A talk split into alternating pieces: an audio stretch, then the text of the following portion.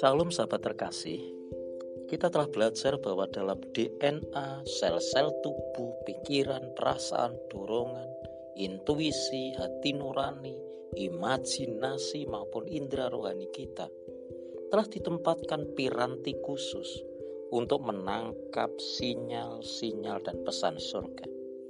Sejak kita terus terhubung dengan Tuhan, seluruh keberadaan kita akan menangkap dan merasakan kehadiran dan pesannya. Dan saat itu datang, sahabat akan terkejut karena tiba-tiba sahabat dibawa dalam dimensi yang baru. Ada terobosan, ide-ide, lompatan, percepatan, perluasan yang melampaui.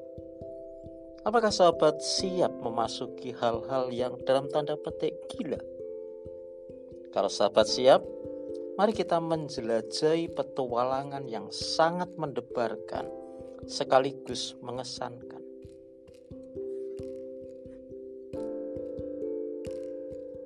Sekarang saya mengajak sahabat melihat situasi krisis global.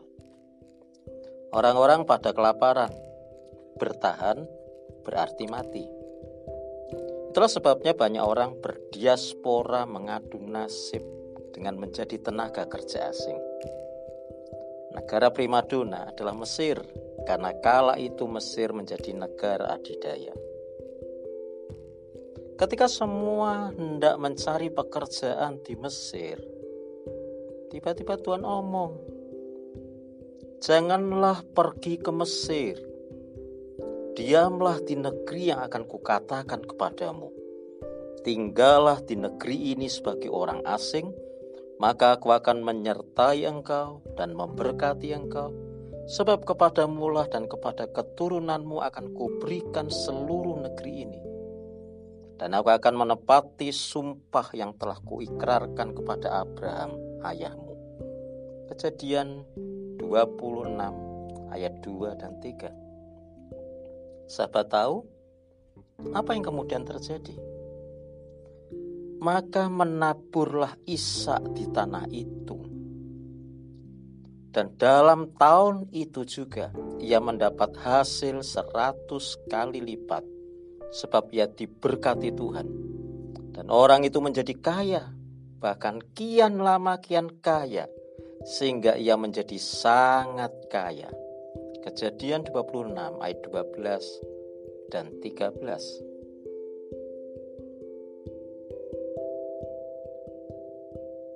Sahabat,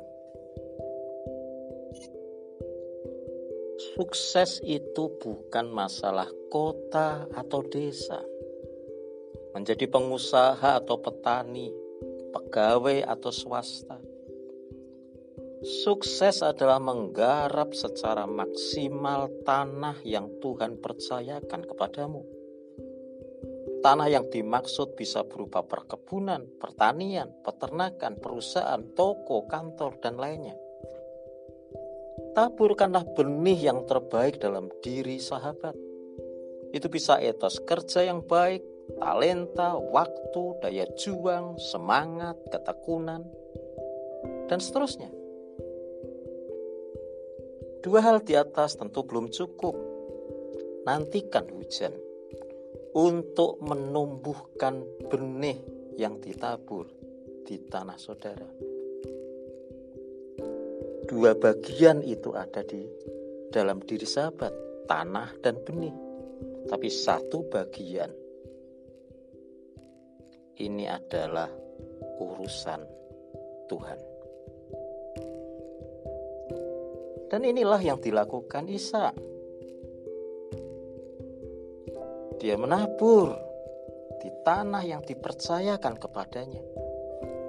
Dia mencari Tuhan. Receivernya menerima sinyal surga. Yang mendengar suaranya. Dia menaatinya. Dan wow, Alkitab katakan dia menjadi kaya. Bahkan kian lama kian kaya. sehingga ia menjadi sangat kaya.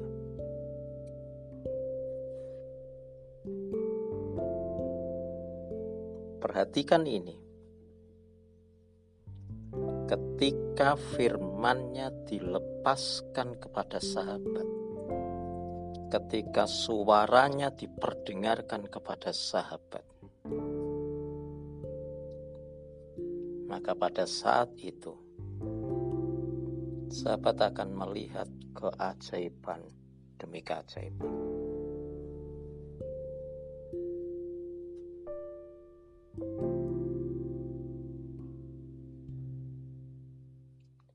Sekarang kita melihat lelakon hidup sang anak.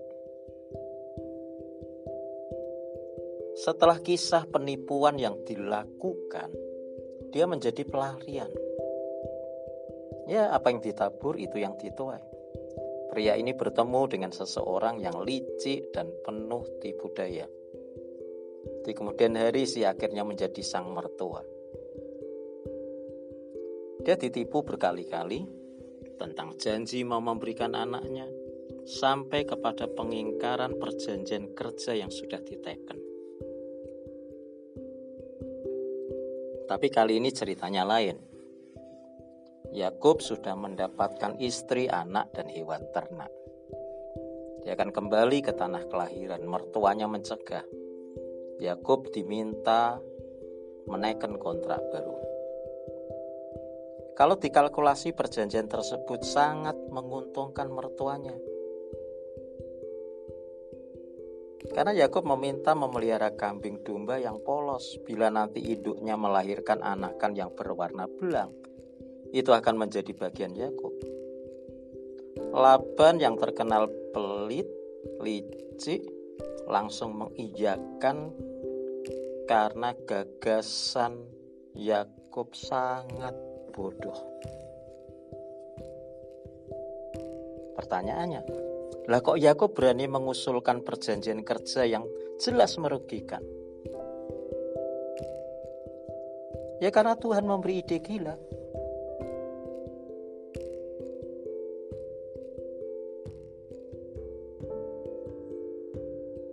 Ide itu yang mengubah Yakub. Ide tentang ramuan khusus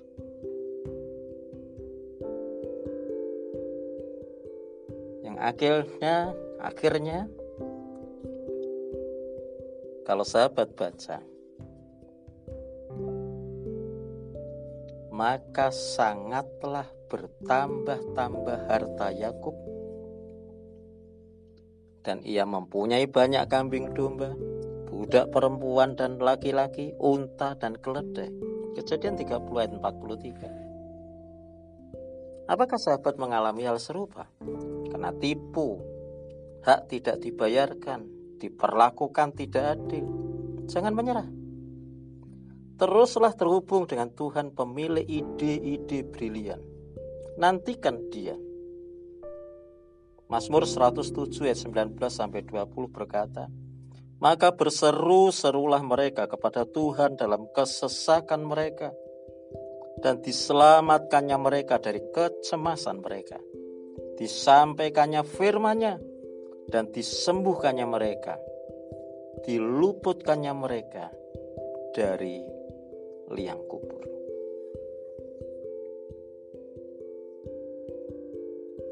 Sekarang satu lagi. Kisah ini lebih mengerikan. Samaria dikepung pasukan Aram. Kelaparan hebat terjadi harga kebutuhan hidup berakrobat, sampai-sampai kotoran merpati laku dijual. Rakyat tidak bisa makan, ada yang nekat, anaknya sendiri disembelih agar bisa menyambung nyawa. Raja geram, Elisa bahkan Tuhan disalahkan. Dua Raja-Raja 6 ayat 3 Sesungguhnya malapetaka ini adalah daripada Tuhan Mengapakah aku berharap kepada Tuhan lagi? Kalau sahabat sedang berada dalam situasi terjepit karena sulitnya kehidupan, jangan cepat-cepat menyalahkan Tuhan dan orang. Cari Tuhan, nantikan Dia berbicara, Karena ketika itu tiba, itu akan mengubah keadaanmu. Itulah yang dilakukan Elisa. Dua Raja-Raja 7 ayat 1 mengatakan, Beginilah firman Tuhan, besok kira-kira waktu ini sesukat tepung yang terbaik akan berharga sesikal dan dua sukat jelek akan berharga sesikal di pintu gerbang Samaria. Sahabat, tanpa perlawanan pasukan musuh lari tunggang langgang. Tuhan mengirimkan pasukannya. Orang Israel menikmati jarahan yang sangat besar tanpa berlelah-lelah. Sahabat terkasih, mari kita menghubungkan seluruh channel hidup kita kepada Tuhan. Biarlah pikiran kita diisi dengan pikiran dan idenya. Perasaan kita digenangi oleh belas kasihnya. Kehendak kita didorong menuju destrinya. Tubuh ini disentuh oleh kehadiran. Tentu kehadirannya dan roh kita mendengar dan merasakan sapaannya. Kita akan melihat ketika suaranya dilepaskan, keselamatan dan pertolongan yang ajaib menghampiri hidup sahabat semua. Amin.